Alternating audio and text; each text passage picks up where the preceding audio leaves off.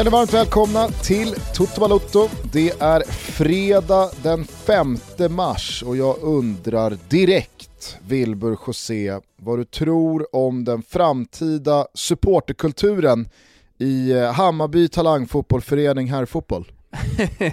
Nej, jag vet inte. Eh, det blir väl eh, en liten spilleffekt från stora klubben Hammarby. Så att det finns några Täby-folk, alltså Hammarby-hjärtan borta i Täby och Vigbyholm och allt vad det är, som också gillar att gå på, på de matcherna, vad vet jag.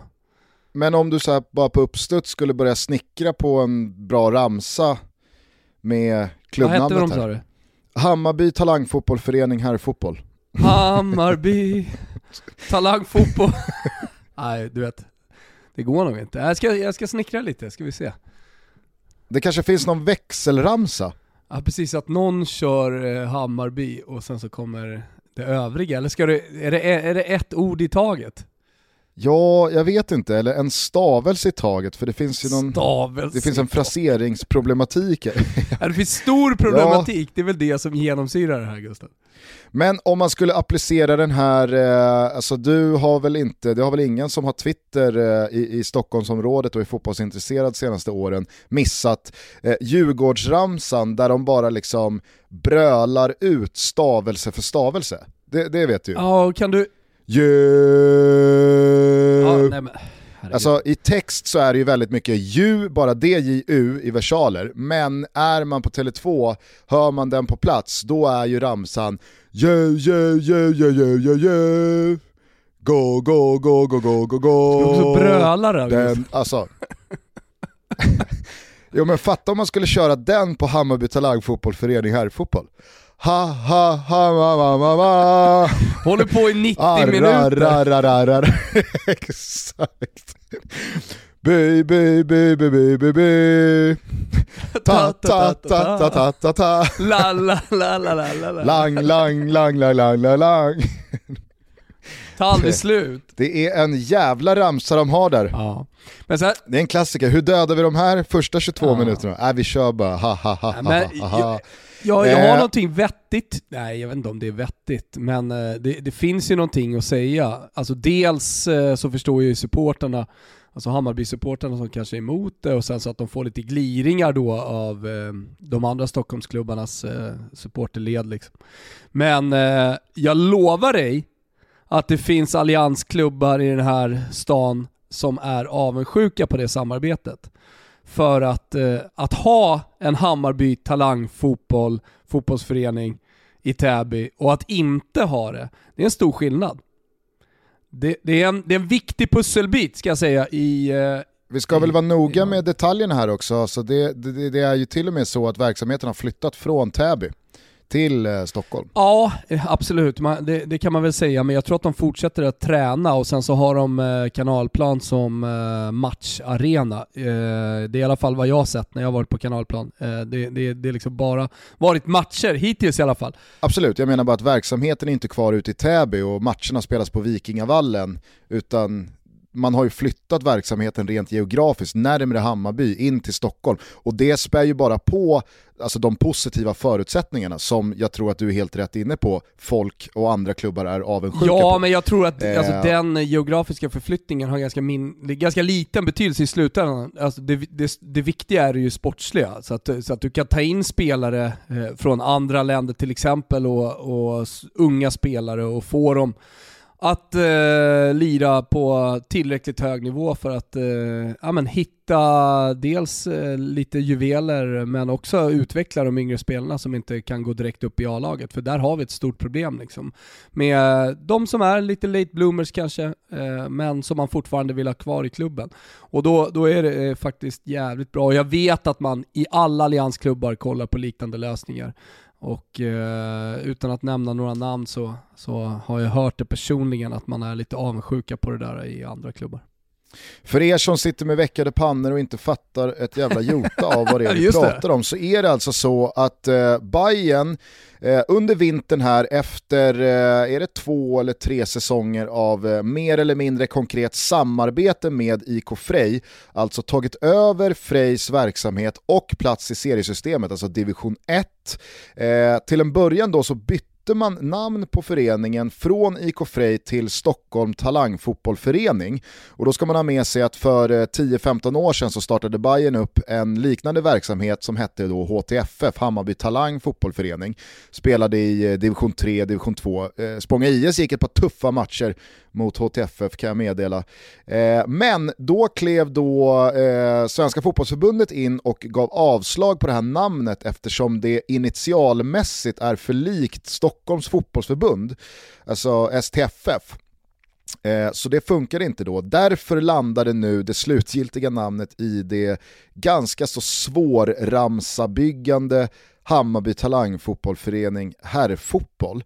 IK Frej tar över då HTFFs eh, existerande plats i division 4 tror jag, för de startade upp HTFF här för några år sedan igen. Eh, knallade väl från sexan då till fyran. Så att Frej, alliansföreningen Frej, de åker ner i fyran. Bayern tar över Frejs plats i ettan, byter namn på verksamheten till Hammarby Talangfotbollförening herrfotboll, men för att hedra då historien med Frej så ska laget spela i gulsvart. Du ser. Och eh, med allt detta in mind så kan jag bara känna att så här, ja, det, det, är väl superrimligt och jag landar framförallt i det du pratar om, att Hammarby nog har skaffat sig en jävla edge här gentemot många konkurrerande allsvenska toppklubbar, kanske rent av nordiska eh, klubbar som alltså har då en samarbetsklubb som spelar på en väldigt mycket bättre nivå än division 3, division 4. Eh, men jag kan ju samtidigt känna att man man är inne och kladdar på ganska så tunn is vad gäller liksom, aspekterna som känns rimliga inom svensk elitfotboll. Alltså vad händer vid en serieseger i division 1? I fjol så kunde man se spelare sitta på bänken, alltså vara med i Hammarbys matchtrupp i allsvenskan ena dagen för att sen spela superettan med Frej andra dagen. Eh, det blir ju, jag vet inte, alltså jag ska absolut inte påstå att jag har en eh, glasklar hållning i frågan. Jag känner bara att vi börjar nog luckra upp lite väl mycket här för att det här inte ska bli en snöbollseffekt och att vi på bara några år ritar om fotbollskartan i synnerhet i Stockholmsområdet ganska så rejält. Ja men eh, först och främst så måste man ju säga att eh, Hammarby nu går en internationell väg. Och att ta över en klubb, det kanske inte är internationellt, även om det också har hänt. Eh, men att ha ett, eh, låt säga ett B-lag eh, med juniorer, men också med seniorspelare som man, som man tror på i en hög serie. Du pratade om HTFF tidigare, men, men att ha dem i Eh, division 1 gör stor skillnad jämfört med HTFF som är och snurrar mellan fyran och tvåan. Eh, ja, om, kollar man då på ja, men, eh, Spanien så har du ju jättemånga lag som både är i Segundan och i, eh, i tredje divisionen. Eh, där, eh, dit Markkanen en gång gick. Eh, och det här har varit en het potatis i många ligor. Hur fan löser vi det här? Hur gör vi med våra U21-lag? Eh, I Italien till exempel så var ju Juventus banbrytande här för något år sedan när man startade ett U23-lag som man spelar i Serie C med. Och eh, det, det, är fortfarande mycket diskussioner om hur man, ska, eh, hur, hur, hur, man ska lösa det här, för alla vill vara där. Men alla är inte överens om vad som är den bästa lösningen. Jag tror ju att eh, Juventus U23 som de heter, eh, är liksom vägen att gå i Italien till exempel. Men kolla i England, där har du också de här U21-lagen, men där är ju rena serier, eller hur Gusten? Ja, där, där, man möter varandra och är mer eller mindre prestigefyllt, men det känns ju som eh, träningsmatcher mer eller mindre. Så jag vet ju att det är jättemånga Liverpool-supportrar och Arsenal-supportrarna som, som följer de här u serierna och kan eh, hitta då en eh, Trent eller en Mount eller vad det nu är, eh, som man tror på. Det är ganska spännande att se de där matcherna för man, man, man kan kolla på talangerna eh, Primavera-serierna i Italien. Eh, jag vet att eh, jag har runkat upp eh, via Reggio-turneringen ofta, eh, väldigt prestigefylld eh, U21-cup eh, i, i Toscana där man då kan hitta, ja, men hitta bra spelare och, och går man tillbaka historiskt så, så är det många eh, ja, idag stora stjärnor som liksom har gått vägen eller synts i, i till exempel via Reggio-cupen. Eh, Eh, men, men, men eh, oavsett vad så, så måste man hitta en bättre lösning än den svenska u serien eller den svenska u allsvenskan eh, idag. Det, det, så är det bara. Det, det kommer inte utveckla verksamheten, det är inte perfekt för de här unga killarna och, och tjejerna. Nej, samtidigt som det då hela tiden också finns den här aspekten hängande över allting med att ja, men i ett mot den moderna fotbollen eh, rotat supporterland som ändå Sverige är, att man kan ta över eh, liksom gedigna, anrika föreningars platser i seriesystemet och flytta ner de tre divisioner och byta namn på föreningen och flytta den geografiskt närmare sin egen kårverksamhet. Och, jag vet inte, jag, jag kan känna att alltså, så här, vi alla är väl överens om att det som håller internationell toppklass kring den svenska fotbollen, det är supporterkulturen och inramningen kring den. Och vad är USPen med allsvenskan? Det har ju du väldigt många gånger i den här podden senaste åren predikat att ja, men, vi kanske bara ska ge upp på liksom, vad allsvenskan är rent sportsligt. Låt det vara det som det är för 95% av oss. En, en, en, tradition, ett sätt att träffa vänner, att eh, få ställa sig på en läktare och sjunga och skrika och, och ta några bärs med nära och kära och titta på fotboll. Hur svag kvalitet det än är. Alltså, att, att skicka ut sådana här klubbar, att sända sådana här signaler, det blir liksom att man är inne och inkräktar på det där, för vilket slutresultat då? Jag vet inte. Ja, jag, men jag, tror bara att det här, det här, kom, det här kommer nog liksom så här, det här kommer slå sämre mot eh, vad, vad, vad, svensk fotboll är i stort än vad det kommer ge sportsliga positiva resultatuppsving. Det är bara min, det är bara min, min tro.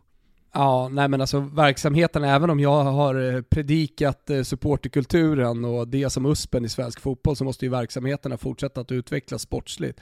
Och eh, jag är helt övertygad om att att ha en, eh, ett B-lag så att säga, eller ja, ungdoms B-lag i en, i en division 1-serie ger väldigt mycket, bidrar väldigt mycket till den sportsliga utvecklingen och jag tror att det är jättebra. Sen så att ta över ett Frej och byta namn på det och liksom mer eller mindre våldta klubben, liksom, ja, men det, det, det kanske inte är vägen att, att gå. Nu kommer det bli jättebra för Hammarby, det är jag helt övertygad om. Och sen så, eh, lägg inte, jag, jag orkar inte just nu lägga någon värdering i det för jag har inte riktigt jag, jag, jag, tror att jag ställer mig på de som är negativa till att ta över en klubb, men om jag bara rent krast ser på det sportsligt så vet jag att det kommer bli bra för Hammarby. Och, och även om vi håller på med snudd på amatörnivå på eh, den, även den högsta nivån, så, så måste vi fortsätta liksom att eh, vara kreativa och att utveckla det sportsliga. Och eh, jag tror definitivt att det här är vägen att gå, att ha ett lag där, sen inte att ta över en klubb. Men man måste ju också säga liksom, från Frejs perspektiv sådär, eh, ja uppenbarligen så reste sig inte 300 pers på årsmötet och, och var emot det här. Eh, eller kanske var ett eh, extrainkallat eh, styrelsemöte eller föreningsmöte. Eh, så, så, ja, det fanns, inte, det fanns inte tillräckligt många hjärtan ute i Täby som, som var emot det. Så, från, från, deras perspektiv så kanske man inte bryr sig speciellt mycket. Tvärtom så kanske man till och med tyckte att det var bra då. Eh, men eh, eh jag, jag vet inte. Det, det, jag, det, det, jag vet är att det kommer bli bra för Hammarby i alla fall i, i, i på, på, både kort och lång sikt.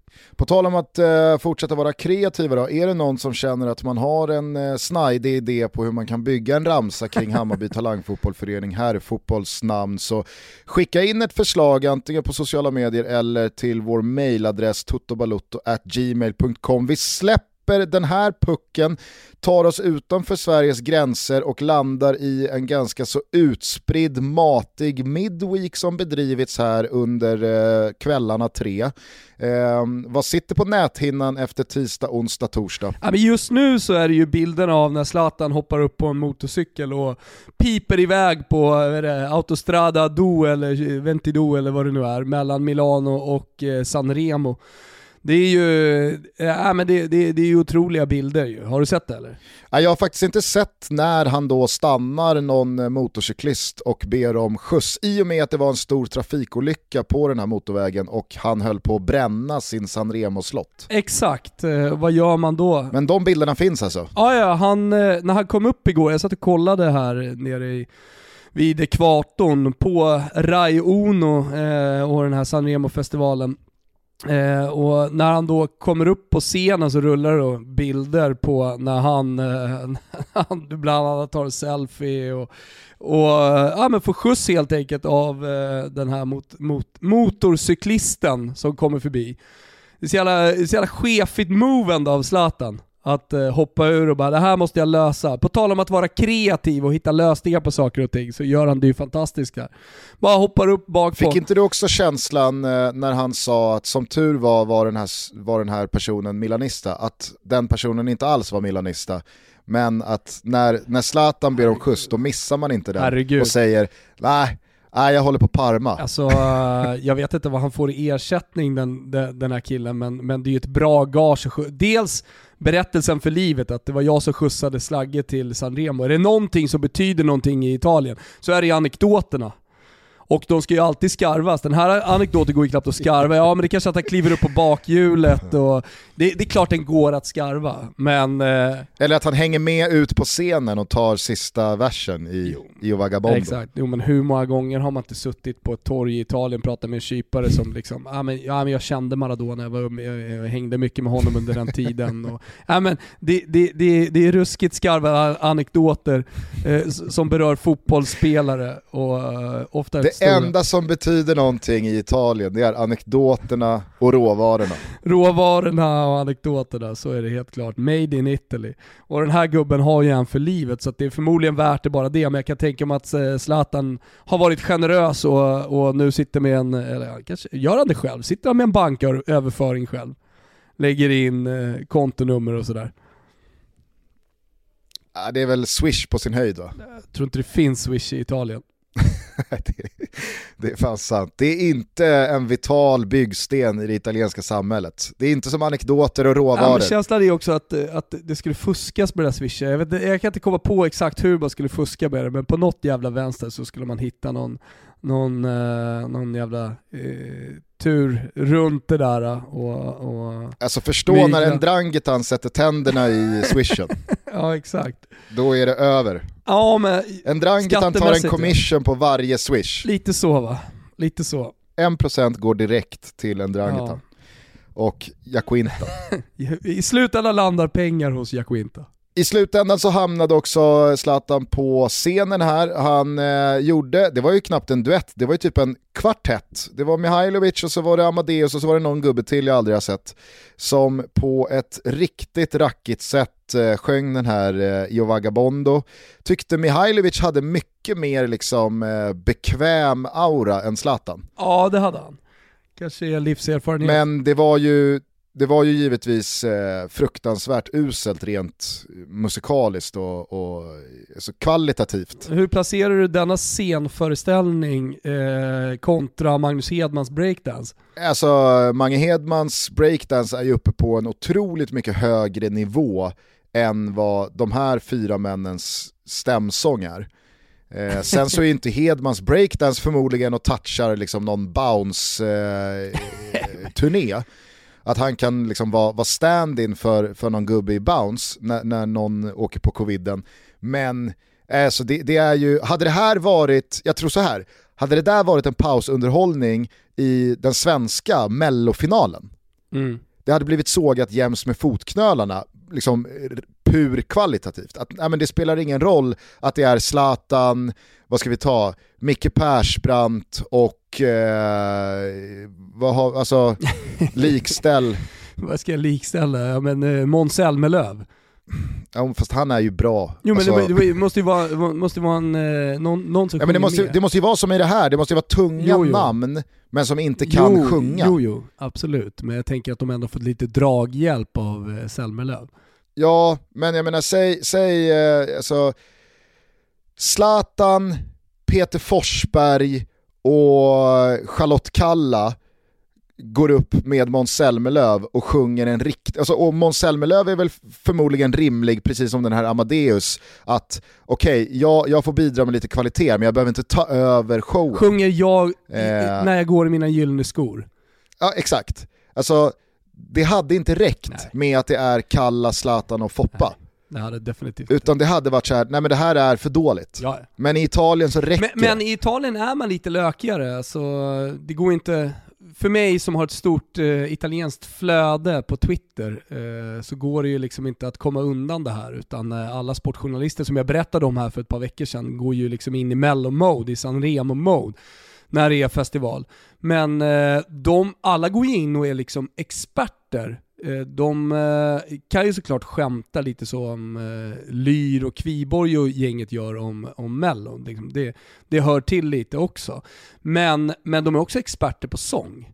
Alltså de går in och betygsätter och, och expertkommenterar då olika nummer. Men i det här fallet så, så alltså med Zlatan och att han går upp och sjunger och sådär, det ses typ bara som att det är coolt. Eller coolt, men att det är såhär, ja, ja, gud vad men... roligt att han och, och Mihailovic är där uppe, och vad fan vad de bjuder på sig själva, vad duktiga de är och, och sådär. Så skrattar ja, man Jag kan tänka mig att Tank tycker ju att Mihailovic sjunger alltså, 9 av 10 bra. Ja, nej, men, eh, För att han blir förblindad av att det är Sinisa Mihailovic och Zlatan som står på en scen och, och liksom framförallt, så, framförallt så gör man inte narr av dem, utan man tycker att det är bra. Sen så var det ju faktiskt eh, fint också när han Alltså när Zlatan hyllar Davide Astori eh, och, och, säger fina ord eftersom det var hans eh, dödsdag eh, nu. Eh, och så, så, att liksom så ja. bilder på han. Och, och, men någonting som också slår mig det är att eh, populärkulturen, om du får kalla det för det, och eh, fotbollen är mycket närmare varandra. Eller fotbollen är mycket mer, mycket mer i samhället i Italien och mer en folksport på det sättet än vad det är i Sverige. Alltså du, du, du har ju mycket större möjlighet att se Charlotte Kalla eller någon från en annan individuell, lite mindre idrott stå på en sån scen och göra någonting än en fotbollsspelare. I Sverige alltså. Ja. Eh, Medan i, i, i, Italien så, så, är det så tydligt att den stora folksporten är fotbollen. Men så här, innan folk börjar tycka på paus Gusten, ska, ska vi snacka Spurs eller? Snacka Spurs. Ja, ska vi ta oss från Sanremo-festivalen rätt in i fotbollen bara? Ja men det kan vi göra. Jag tänkte bara kort avsluta för jag läser lite innan till här från Pavlidis eminenta headline-start denna fredag morgon. Eh, han skriver så här, eh, utöver då Astori-hyllningen som jag skriver under på, det var, det var väldigt eh, fint av Zlatan, så igår så spelade han lite boll med den rullstolsburne Donato Grande, ja. italiensk paralympisk fotbollsspelare och stort Milan-fan. Då har Zlatan då sagt till honom, du passar bättre än mina lagkamrater. Det tyckte jag var lite kul. Ja. Eh, och, och, så bytte de eh, matchtröjor och det här fick då i kombination med insatsen under duetten med Mihailovic Gazetta-recensenten Elisabetta Esposito att smälta och dela ut 10 av 10 i betyg. det är så jävla...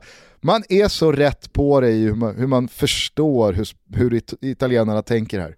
Ja, nej men, nej men så är det. Och sen så pratar han om eh, Giuliano eh, i eh, det fina bandet Negramaro från Salento. Lucio som han kallas har eh, lärt honom att eh, livet eh, ska levas och inte överlevas. Och att han då är unik. Så att det, det var inte bara, många, vad ska jag säga, det var många genomtänkta ord här från Zlatan. Slagge går på djupet. Ja, och sen så eh, behåller han ju den här kaxigheten också. Eh, för, alltså även på scenen. Alltså han, han, han, blir inte, han blir inte ödmjuk eller någon slags programledare bara för att komma upp. Han är fort, Zlatan är fortfarande Zlatan, så han menar på att om jag inte hade kunnat komma hit så hade festivalen kommit hem till mig. Det var väl dessutom så att eh, de efter eh, sånginsatsen frågade honom om eh, han kände ABBA. Mm. För att de tycker väl att han är på ABBAs nivå. Mm. Men då svarade han bara nej, det gör jag inte, men de vet vem jag är. Ja, exakt. Zlatan är Zlatan fortsatt Gustav. Var det, en, var det en 10 av 10 comeback eller var det en 3 av 10 comeback? Jag vet inte. Eh, vi lämnar Sanremo-festivalen och Zlatan eh, för det här avsnittet tycker jag eh, är sannoliken på sin plats. Eh, du ville till Spurs, eh, varför då? Undrar jag spontant efter krampaktiga 1-0 borta mot Fulham. Ja, krampaktiga och krampaktiga. Jag tycker ändå med Bale in i det här laget att det är ett lite annat Spurs. Eh, efter att man har gjort 1-0 tidigt så, så tycker jag mig se ett betydligt mer framåtlutat Spurs. Jag ser ett Spurs som riskerar mer genom en högre press. Eh, alltså du, du, du ser dem vara nere på eh, ja, men lite Liverpool-nivå om vi ska liksom gå över till den matchen sen då och verkligen liksom ja, jaga sönder motståndarna redan i uppspelsfasen. Man lägger sig liksom inte och försvarar den här ledningen. Och det blir väl kanske ett lite mer framåtlutat Spurs också med en Bale i laget. Jag, tycker, jag, jag, vet inte, jag, jag tyckte det kändes som att det var ett lag som krig, krigade för Mourinho igår. Eh, du vet det här gula kortet som Bale tar när han liksom kapar och sen så kommer kapning på det. Eh, det, det, det, fanns en mentalitet i det här spörslaget som på något sätt var en knuten näve i fickan och bara nu jävlar, uppkavlade ärmar, nu, nu, nu, nu ska vi göra det bästa av den här säsongen, nu ska vi knipa en Champions League-plats typ. Jag vet inte. Eh, det, mm. det, det, kan å ena sidan vara en krampaktig 1-0, men min känsla efter att ha sett den matchen är ett, eh, jag menar, är ett Spurs som jag tycker känns mer framåtlutat, som har bestämt sig för någonting.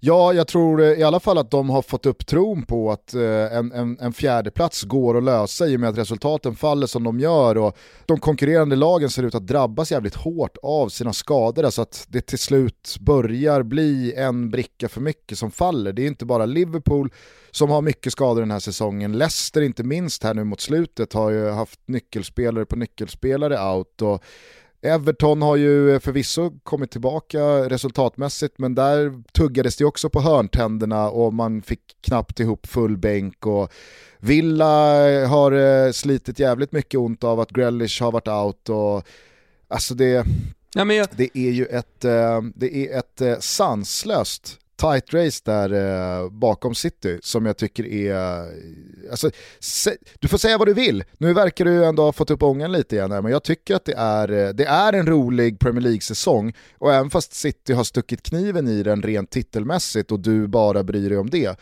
så tycker jag ändå att det finns jävligt många lag, jävligt många matcher per omgång som betyder väldigt mycket för väldigt många, både spelare och supportrar och ja, kommande matcher och så vidare. Så jag, jag, jag njuter i fulla drag av den här Premier League-säsongen. Ja, men, det gör jag också. Och, och där har du också, ja, vi kallar det för spaning eller vad som helst, liksom med, med Spurs igår. Å ena sidan en krampaktig 1-0, å andra sidan fanns det någonting. Eh, och jag menar det någonstans, känslorna eh, även ute på planen, inte bara från supporterna, men känslorna eh, tycker jag ändå eh, skapar eh, det intressanta med fotbollen. Och det, det, det ser jag igår, jag ser det i Liverpool-matchen också. Alltså det, det börjar hända någonting. Tågen har gått, Tågen har gått eh, i eh, Premier League och i andra ligor för eh, titelstriden. Och, men eh, någonting lever fortfarande och det blir, det blir en rolig vår. Som du säger, alltså Chelsea eh, på 47 pinnar och sen så har du Spurs med en match mindre spelad nere på 42. Där kan man också, jag vet att jag nämnde det för, för någon vecka sedan, men, men eh, nu är ju Spurs om om de vinner den hängmatchen som de har och är i så fall uppe på 45 och då är det bara två poäng från Chelsea. Sen vet jag att Everton och, och West Ham också bara har eh, 26 matcher spelade. Men, men eh, jag skulle säga att det ändå är Leicester, Chelsea, Everton, Liverpool och Spurs. Så då har du fem lag som måste till eh, Champions League nästa säsong. Och eh, det har spelat 27 omgångar, det är bara eh, 11 kvar.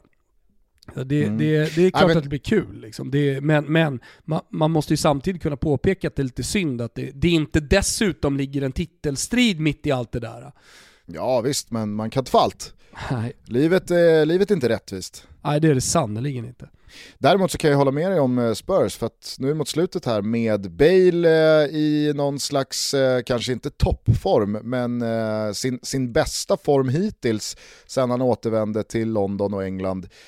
I kombination då med att Kane är tillbaka från skada, Son är pigg där bakom och dessutom med Dele Alli mycket mer frekvent i både startelva och från, från bänken väl ute på plan så är det ju en Spurs-offensiv som ser jävligt intressant ut. Och jag tror att eh, hela den här säsongen, som jag var inne på, med det tajta matchandet, med skador som har varit, det gör att till slut så måste sådana här relationsmässiga dödlägen som det har varit mellan Mourinho och Dele Alli, de måste brytas för att mm. man har inte råd att sitta på en sån spelare till ett sånt pris varje vecka, varje månad som inte spelas, alldeles oavsett hur mycket man har hamnat i luven på varandra.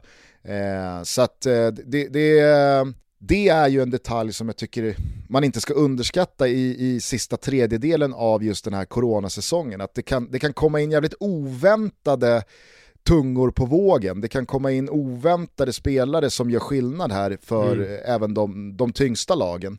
Eh, kolla Alexis Sanchez eh, i Inter igår eller ja, men Dele Alli här nu för Tottenham. Det skulle inte förvåna mig om Icardi här rider in och börjar bomba in mål för PSG i en Champions League-spurt och en, en ligaspurt. Alltså spelare som man mm. lite har gått vidare från i sina respektive eh, klubbtillhörigheter, men som sitter på jävligt fräscha ben kontra spelare som kanske har spelat var och varannan minut av hela den här säsongen.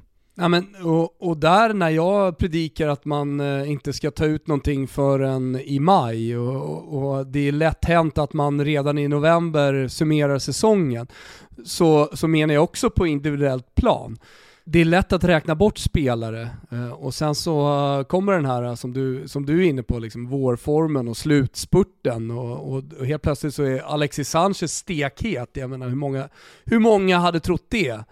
Och eh, där, det skulle mycket väl i, i, Spurs kunna vara Bale, eller det skulle mycket väl kunna vara så att Mané hittar tillbaka till målformen i, i Liverpool och Liverpool vinner tio raka eh, fram, fram till maj.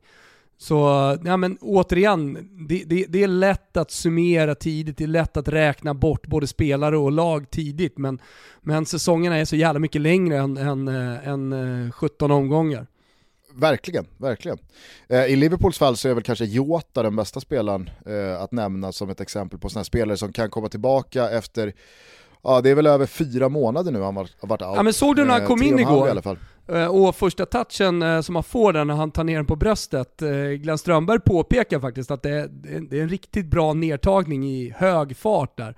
Eh, men, men där såg man ju verkligen Jota komma in och göra liksom, succé-comeback och, och, och smälla in 1-1 mot Chelsea. Nu ville sig inte nästa, då hade ju två spelare runt sig, en extremt svår situation och, och rent tekniskt nästan till omöjlig att hantera, men han är så jävla nära på att lösa det. Ja. Äh, men vi kan väl ta oss till eh, Anfield och den här matchen Liverpool-Chelsea från igår kväll. Jag tycker att man ska eh, börja i Chelsea-änden i och med att de går så oerhört starkt för dagen och Tuchel har kommit in och mm. ja, men jag tyckte, jag tyckte Åslund och Bojan sa det jävligt bra i studion igår att det, det går liksom inte att blunda för att Lampard har misslyckats med det här materialet när Tuchel på en dryg månad på 10-11 matcher har visat vilka kvaliteter eh, ja, men, truppen besitter och hur bra det här laget kan vara. Då måste det ju falla på att Lampard fick ut långt ifrån allting av dels individuella spelare men framförallt eh, Chelsea som lag. Mm. För nu ser de ju, alltså det som till en början var ett väldigt tacksamt spelschema, det var väl Burnley och Wolves och Palace och vad det nu var, har ju de senaste veckorna innehållit borta segrar mot Tottenham, mot Atletico Madrid och i, i, igår då mot, eh, mot Liverpool. På det så har man varit säkerheten själv i de här matcherna man bara ska vinna hemma mot Newcastle och borta mot Sheffield United och så vidare. Det har inte varit några 5, 6, 7-0 och eh, propagandafotboll. Men det är ett Chelsea som ser snuskigt stabila ut bakåt, där spelare som ja, men i två, tre säsongers tid har varit vandrande fladdertabbar. Rydiger, Christensen, eh, Kepa, det har varit eh, ja, men alltså, eh, Marcos Alonso och, och, spelare som där man känner såhär, nej, nej, nej, nej, det här, det, här, det här går inte rent defensivt.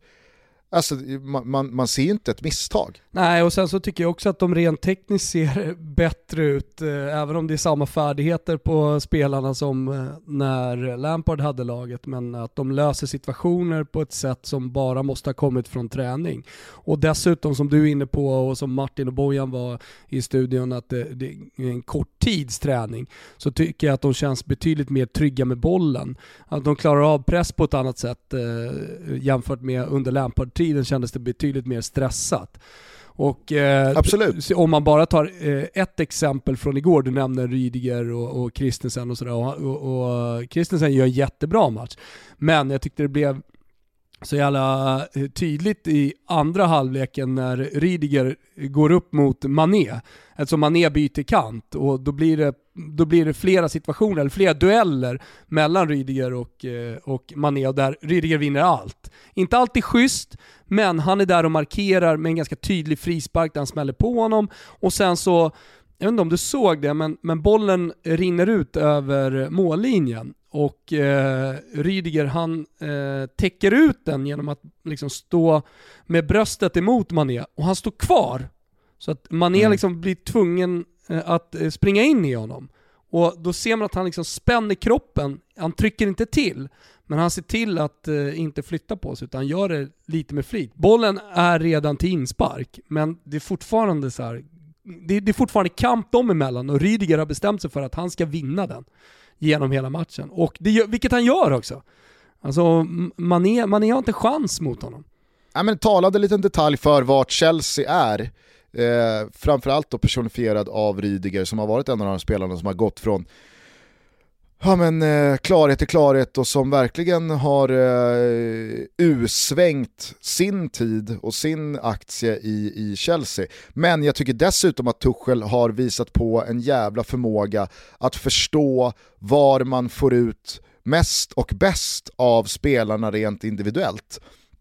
Alltså Hakim Ziyech fick ju en jävla bra start under Lampard men skadade sig sen och har varit väldigt ja, men, eh, in och ut och inte fått ordning på det, på det fysiska sen dess. Men jag tycker att i Ziyech så finns en spelare som Tuchel har fattat han ska ha den här rollen, han ska ha de här utgångspositionerna, han ska ha bollen i de här ytorna och sen ska han bara göra sin grej. Ibland är det ett inlägg, ibland så slår han sin spelare, ibland kombinerar han sig fram med spelare runt omkring sig.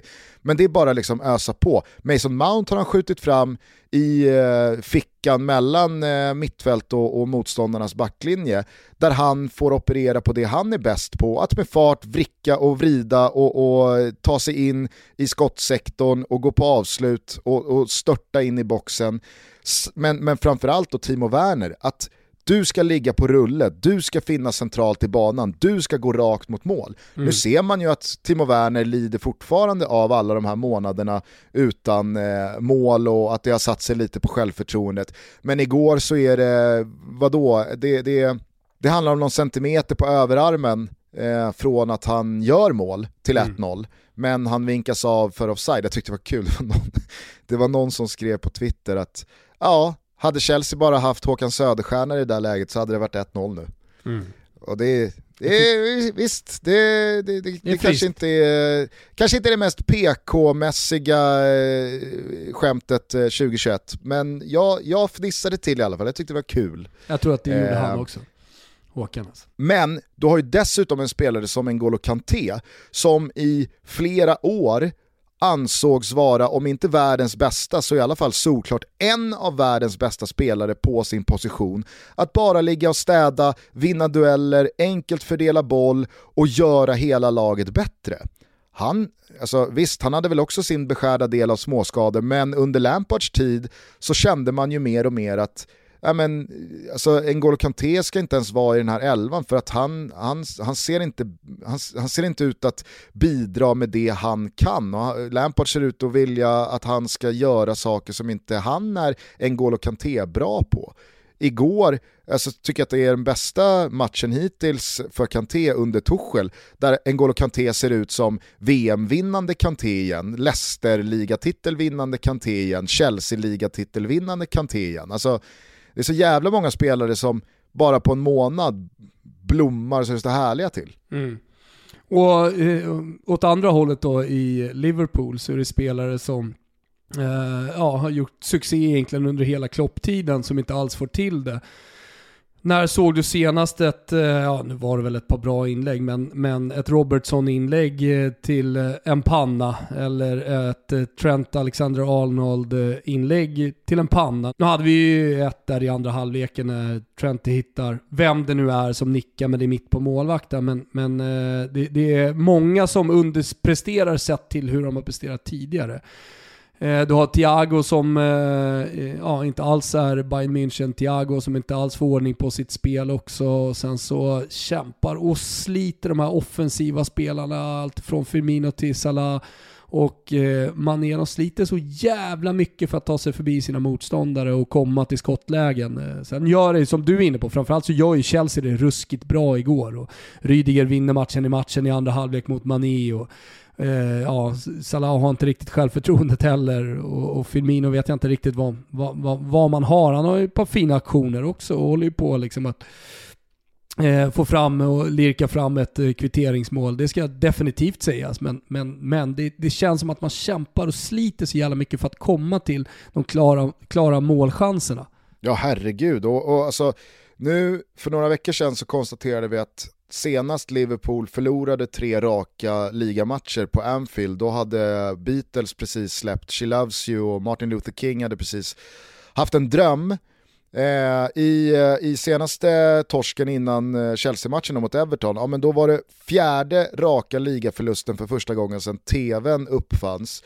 Och efter igår då så är det då ett negativt klubbrekord för Liverpool. De har aldrig i sin klubbhistoria förlorat fem raka ligamatcher hemma på Anfield. Det, det, finns liksom ingenting att jämföra med. Det är dessutom första gången de regerande engelska mästarna förlorar fem raka ligamatcher på hemmaplan säsongen efter titeln. Så att jag menar, det är ju ett, det är ett historiskt kallt mästarlag vi ser här nu. Och jag tycker inte att man längre kan prata om van Dijk, Gomes och Matip och skadan som är på mittbacken. Ja, det är fortsatt så att i princip alla alternativ på just den positionen, vilket är en jävla viktig position också, såklart, är out och de kommer vara det ett bra tag till, förmodligen säsongen ut. Men det är jag tycker att det är för enkelt att bara peka på de skadorna och i synnerhet då van Dijk och mena på då att äh, men vi har inga alternativ på mittbacken, det här förstör hela vårt pressspel och därför är det fullt rimligt att vi förlorar match efter match efter match efter match. Alltså, Liverpool har ett fjuttigt avslut på mål igår mot Chelsea och då startar man med spelare som Salah, Firmino, Mané Thiago, Wijnaldum, Jones, man byter in Jota, man byter in Oxlade Chamberlain, man byter in alltså, gnuggare som garanterar ett, ett jävla driv i James Mill. Alltså så här, ja men vadå, ska man bara kunna peka på att det saknas ett gäng mittbackar av högsta kvalitet och säga ja men så att det här, det här är fullt logiskt, det här är fullt rimligt. Nej, nu är det fem inte. raka torskar mm. i ligan på hemmaplan mot överlag ganska så beskedligt motstånd. Man skapar noll och ingenting framåt. Visst, jag köper att man blir mer sårbara och att det absolut eh, gör en jävla skillnad i eh, pressspelet över hela banan när man får flytta ner sina defensivt bästa mittfältare att vikariera som mittbackar.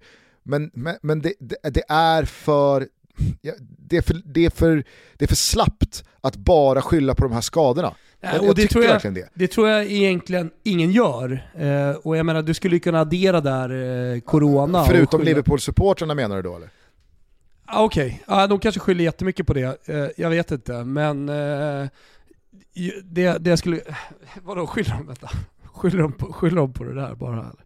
Ja, nej men alltså det är så här, men ingen har haft en skadelista som vi, vi har, våra, vi, har våra, vi har alla våra alternativ på mittbacken långtidsskadade för resten av säsongen. Så vad fan begär ni av oss? Mm.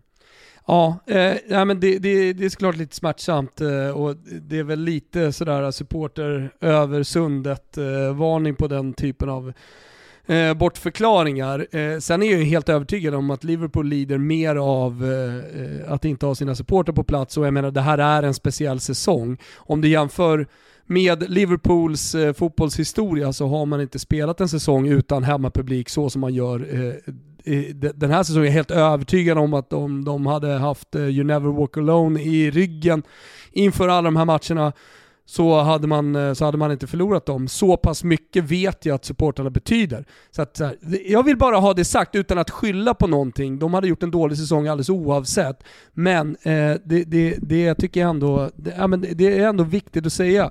Sen och det är väl klart att det gör skillnad och det är väl en valid point, men den hade ju varit eh, liksom spader S ifall det bara hade varit Liverpool som hade fått spela utan eh, publik den här säsongen. För att jag vet inte, eh, coronan existerar bara på Anfield, alla andra får ha sina supportrar på plats men inte Liverpool. Ja, då är det väl ett rimligt kort att spela ut, men den här säsongen så är det, alltså så här, jag, jag fattar att Liverpool blir ett sämre hemmalag eh, inför tomma läktare på Anfield, men jag har väldigt svårt att se eh, ens något lag göra en bättre hemmasäsong den här säsongen eh, inför tomma läktare. Alla lag lider väl av att man inte får ha sina supportrar på plats ja, på hemmaplan. Men, eh, absolut, alltså... absolut, jag tror Liverpool lider lite mer än, än eh, de flesta. Det jag vill säga också, det, det är att på kort sikt så är det ju kris och eh, det är fiasko. Men jag tror att på lång sikt så, så är det ett Liverpool som kanske inte behöver oroa sig speciellt mycket. Eh, alltså jag tror till exempel att Thiago eh, har lidit ganska mycket om, eh, över att komma till en ny liga. Det tar tid för honom att anpassa sig. Återigen så har vi sett det på väldigt många stora spelare tidigare. Det är ett betydligt mer fysiskt motstånd han möter i, i Premier League. Han behöver eh, kanske ett halvår på sig. Kanske är det liksom perfekt fiaskosäsong här nu att eh, hitta rätt och hitta in i, i eh, det, den engelska ligans eh, spelsätt. Och att han nästa säsong då kan inleda och, och flyga och vara Bayern München bra. Eh, jag tror eh, eller är övertygad också om att eh, Robertson och Trent Alexander-Arnolds eh, svaga form inte är någonting bestående utan att eh, de lider av att hela Liverpool lider och att de är inne i en kris och de tappar självförtroende. Alltså, eh, jag, jag, tror att på lång sikt så är det ett Liverpool, ja, men du, du, skulle kunna göra, du skulle kunna kolla på Manchester City förra, förra året. Jag menar, det, det var ett lag som man ville ha tålamod kring. Jo ja men City kommer, jo ja men City kommer. Ja men de kom den här säsongen. Jag, jag tror nog med supportrar tillbaka och med en eh, helt okej okay sommarmercato, men även med de spelarna, om man bara skulle bibehålla den truppen man har idag, eh, är ett titelutmanande lag. Inte oddsfavoriter, absolut inte, men trots allt titelutmanare.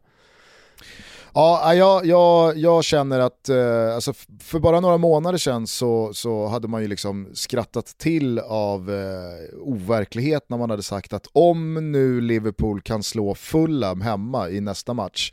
Eh, men det är ju det, det, alltså det är så verkligheten ser ut nu. nu. Nu har man fem raka torsk på Anfield, man har torskat mot Burnley, man har torskat mot Brighton, man har torskat liksom klart och rättvist mot Everton ja, ett Fulham som jagar nytt kontrakt och som har eh, tagit ganska tajta resultat här mot slutet.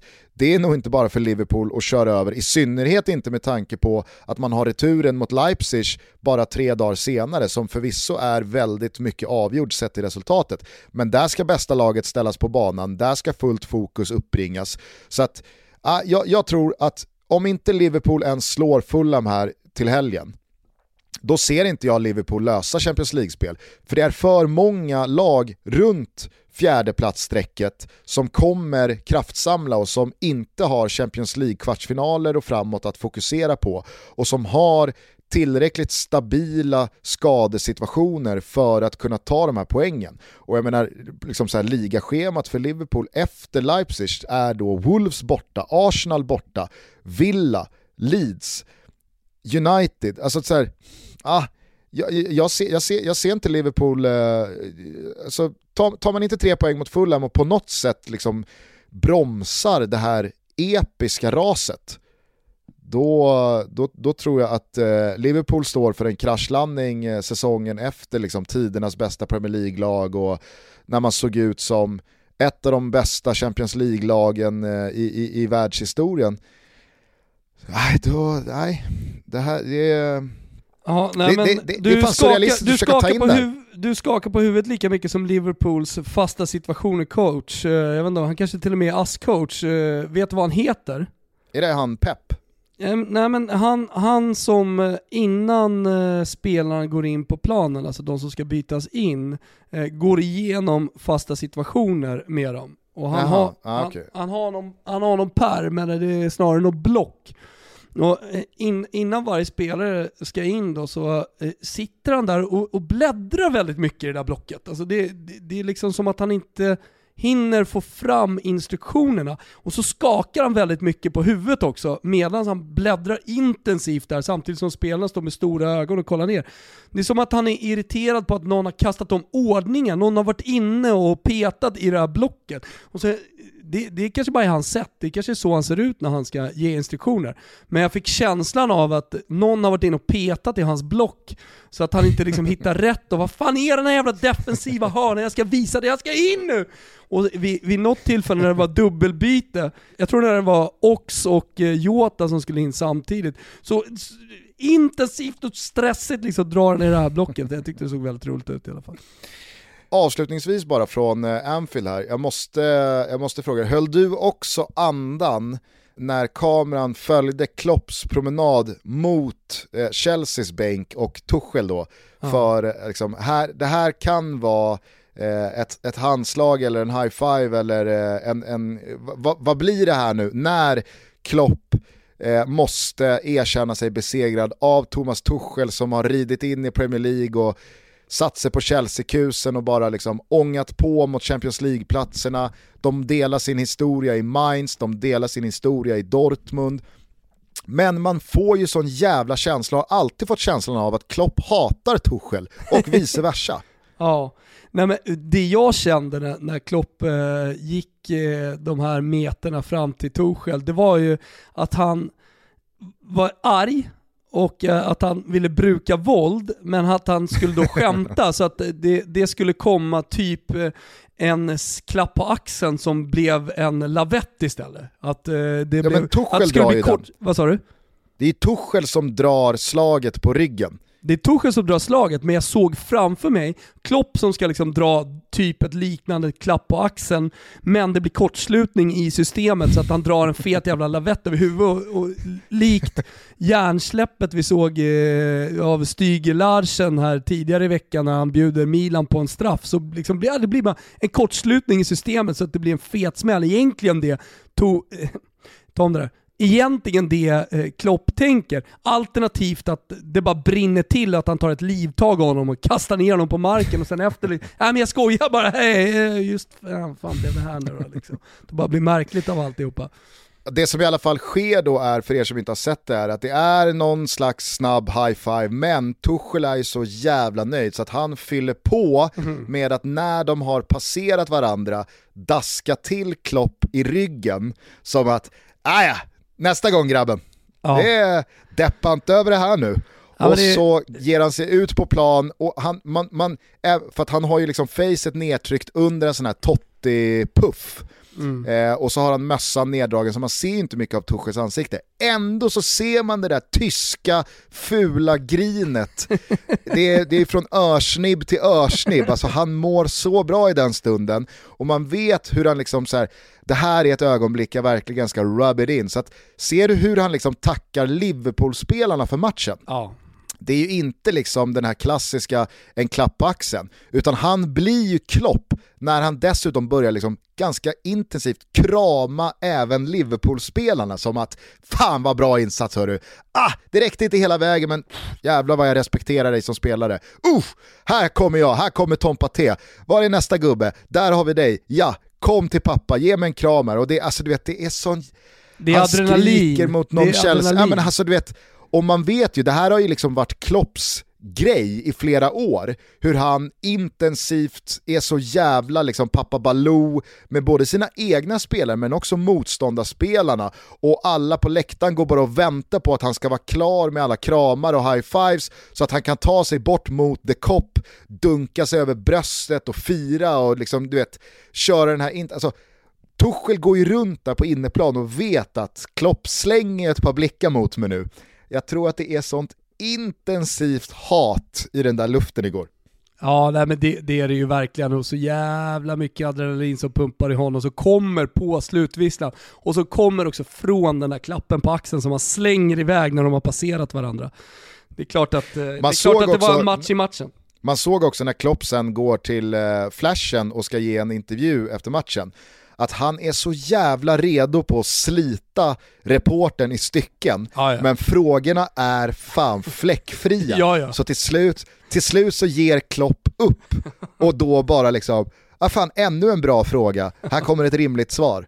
Alltså, han var så sugen på att bara tappa det i den där intervjun och eh, slå ner på någon dum jävla fråga från någon dum jävla reporter som inte fattar någonting utan som bara tror att allting är ettor och nollor och plus och minus.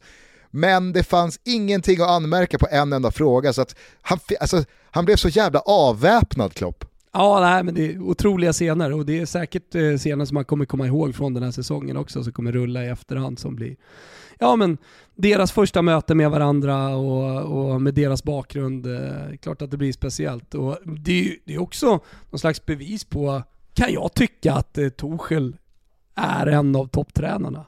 Att han inte ska ses heller på som eh, ja, men mindre än Klopp till exempel. Ja, men alltså det som länge var Wenger mot Sir Alex som blev Mourinho mot Pep, men de känns så jävla kärvänliga mot varandra här Exakt. mot slutet. Det är, det är väl Mourinho som försöker bygga broar igen här mot slutet av sin topptränarkarriär. Verkligen smärtsamt att se. Nej men kanske, alltså det som var då eh, Conte, eh, han var ju inne och rörde till det mot Mourinho där när Mourinho var antydd att du Just firar det. inte så här din respektlösa mm. jävel och så vidare.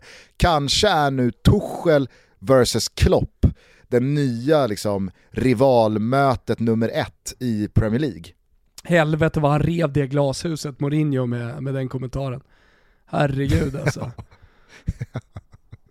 ja, verkligen. Innan vi stänger ner butiken för dagen, jag måste bara ge det till Barca. Fan vad imponerad jag blev mm. över deras kraftsamling mot Sevilla eh, och egentligen deras senaste vecka. Allt från liksom en, ja, men en dag på jobbet, man ska såklart slå Elche hemma, till att stabilt och tungt och ja, men riktigt jävla klassaktigt slå Sevilla på bortaplan i ligan i lördags och sen då vända på steken inför ett hopplöst underläge i Copa del Rey semifinalreturen. Nu står man i kuppfinal, man har häng på Atletico i eh, titelstriden och nu tror jag fan i mig att den där lilla jävla Lionel Messi ligger och tänker, är det någon som ska kunna vända på den här steken ja. mot PSG? Är det någon som ska tysta alla som säger att nu är tronskiftet här, Mbappé hit och Neymar dit? Ja. Då är det fan i mig ja. ja. Ja, men det är klart att de har fått upp hoppet eh, efter de senaste matcherna. Just också det där att de, det kanske inte alla var med på, men att de gör 2-0 eh, målet. De låg under med 2-0 mot Sevilla i Copa del Rey och i, i returen då här så gör, är det Piqué va, eh, 2-0 ja. i 90 plus 4. Och då visste man ju att Barcelona skulle ta sig vidare och sen så gör man 3-0 under förlängning och eh, så är man vidare i Copa del Rey. Men det är som du säger, alltså det, är de, det är det där som kan få en trupp att verkligen tro på en vändning i en så tung match som PSG. Alltså det är exakt det där de behövde inför returen. Mm. Ingenting är omöjligt och allt sånt där jag tycker också att resultatet 4-1, det är så jävla skillnad på att Barca har det där målet, för att de vet ju att oavsett vad behöver vi göra fyra mål. Så det finns inte ett PSG-mål som totalt dödar matchen, om du fattar vad jag menar. Nej. Alltså, 3-0 räcker inte för Barca, vilket gör att de måste ändå gasa och jag, jag, jag, jag, tycker att det vore så jävla mäktigt om man direkt i första minuten ser en Messi som har bestämt sig för mm. att nu ska jag stå för en av min karriärs största stunder. Ja, och det är ju en häftig match då. Alltså om man får in 1-0, kanske till och med 2-0 eh, efter en halvtimme, då, då har vi darr i benen hos PSG, det vill jag lova. Och då kanske inte Mauri Cardi blir den här vårspelaren som, som gör det för, för PSG.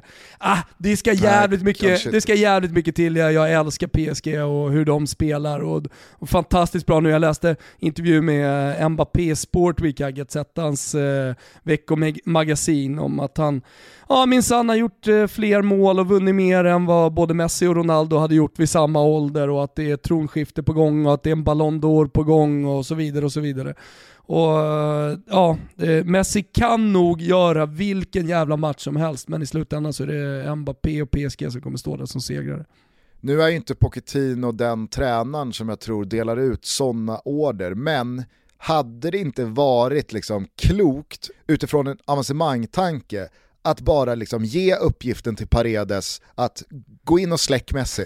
Ta det röda, för då är, alltså, då, utan Messi så är det ju, då är det ju släckt och låst och bommat. Alltså då, då finns det ju inte Du är inne en, på en kriminell handling här nu Gusten, din jävel. Han ska alltså gå in och skada är... Messi så Messi inte kan spela mer.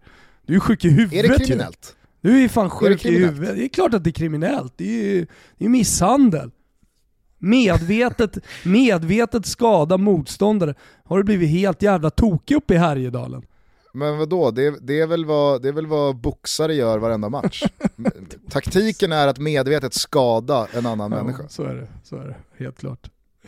Segt om det trillar in en polisanmälan om grov misshandel. Det händer väl alltid några gånger per säsong också, att det trillar in en, en polisanmälan. Kanske inte i toppnivån då. Ja, jag vet inte. Alltså det, det, det jag däremot vet är ju att den enda möjligheten till ett Barca-avancemang, det är en utomjordisk insats av den enda rymdvarelsen de fortfarande har och det är Lionel ja. Messi. Det är det enda som kan ta Barca vidare. Ja. Skickar man då in Paredes, att det, det, du har en uppgift här, klipp honom innan, klipp ja. honom innan tio minuter har gått. Eh, så är, alltså, då är ju avancemanget i hamn. Mm. Jag vet inte. Ja. Eh, hörru du, eh, innan vi eh, säger tack och hej så vill vi eh, pusha för en Toto-trippel. Jajamensan, en Toto-trippel vi tror starkt på, eller hur Gusten? Ja, du tror att Juventus vinner hemma mot Lazio, rak seger. Ja, och jag är ganska övertygad om att Juventus är på väg in i en bra period. Alltså nu har man fått häng på, på Milan och man tror fortfarande på scudetton. Jag tror ju självklart att det är kört. Det detta är Inters år och när man dessutom har fått igång Alexis Sanchez, ja vad i helvete ska kunna stoppa Inter då? Är såklart ingenting. Däremot så är det ett Juventus som, eh, på tal om att hitta självförtroende, ändå har en hel del självförtroende. Man har häng då på Milan och eh, man möter ett Lazio som jag tycker ser sämre och sämre ut den här säsongen. Så ja, 1,95 får man på rak seger Juventus. Det är någonting som jag inte direkt blundar för. Man värderar nästan de här lagen lika, lika bra. Eh, och då, då, då måste man spela Juve tycker jag. Vi adderar till Juventus-segern att det blir mer än tre mål i Der Klassiker, alltså mm. Bayern München mot Borussia Dortmund. Eh, Bayern eh, är ju inne i ett skede där man på grund av skador öser på framåt men kanske släpper till en del bakåt. Eh, och det får ju gärna ske igen här. Alltså Lewandowski jagar det där målrekordet på 40, Gnabry är stekhet för dagen, till och med Choupo-Moting kan göra mål. Eh, men alltså Bayern München öser ju på här. Och till Allianz så kommer ett Dortmund med hålet, med Reus, med Sancho, med ja, men, e, e, ett, ett, ett tabelläge som, eh, det finns liksom ingenting för Dortmund än att åka dit och gå för det. Man ligger på femte plats inför den här matchen så att Dortmund måste vinna även fast det är tuffaste matchen på säsongen.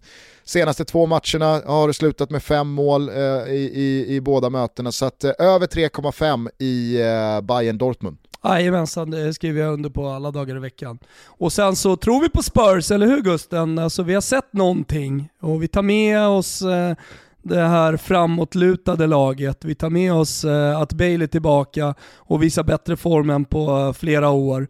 Och eh, ser dem vinna med två baljor.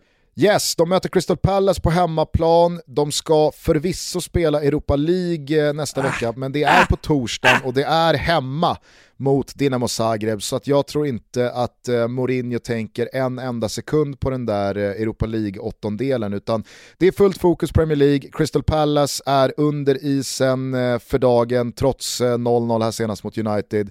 Jag tror som du att Tottenham med den här offensiva kvartetten bara kliver över Roy Hodgsons gäng och vinner med två baljer. Ni hittar den här Toto-trippen precis som alltid under godbitar och boostade odds på Betsson. Tänk på att ni måste vara 18 år fyllda för att spela och att stödlinjen.se finns för de som har problem med spel.